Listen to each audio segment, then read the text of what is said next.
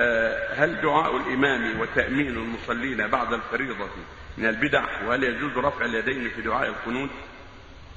كون الإمام يدعو بعد الفرائض الخمس ويؤمن على دعاء البدع ما لها ما كان النبي يفعله ولا أصحابه. إذا سلم الإمام والمأموم كل يشتغل بذكر الله جل وعلا. أما كون يرفع يديه ويدعو ويؤمنون هذا ما له هذا من البدع. أما القنوت مشروع. رفع يده في القنوت مشروع قد ثبت عليه الصلاة والسلام رفع يديه.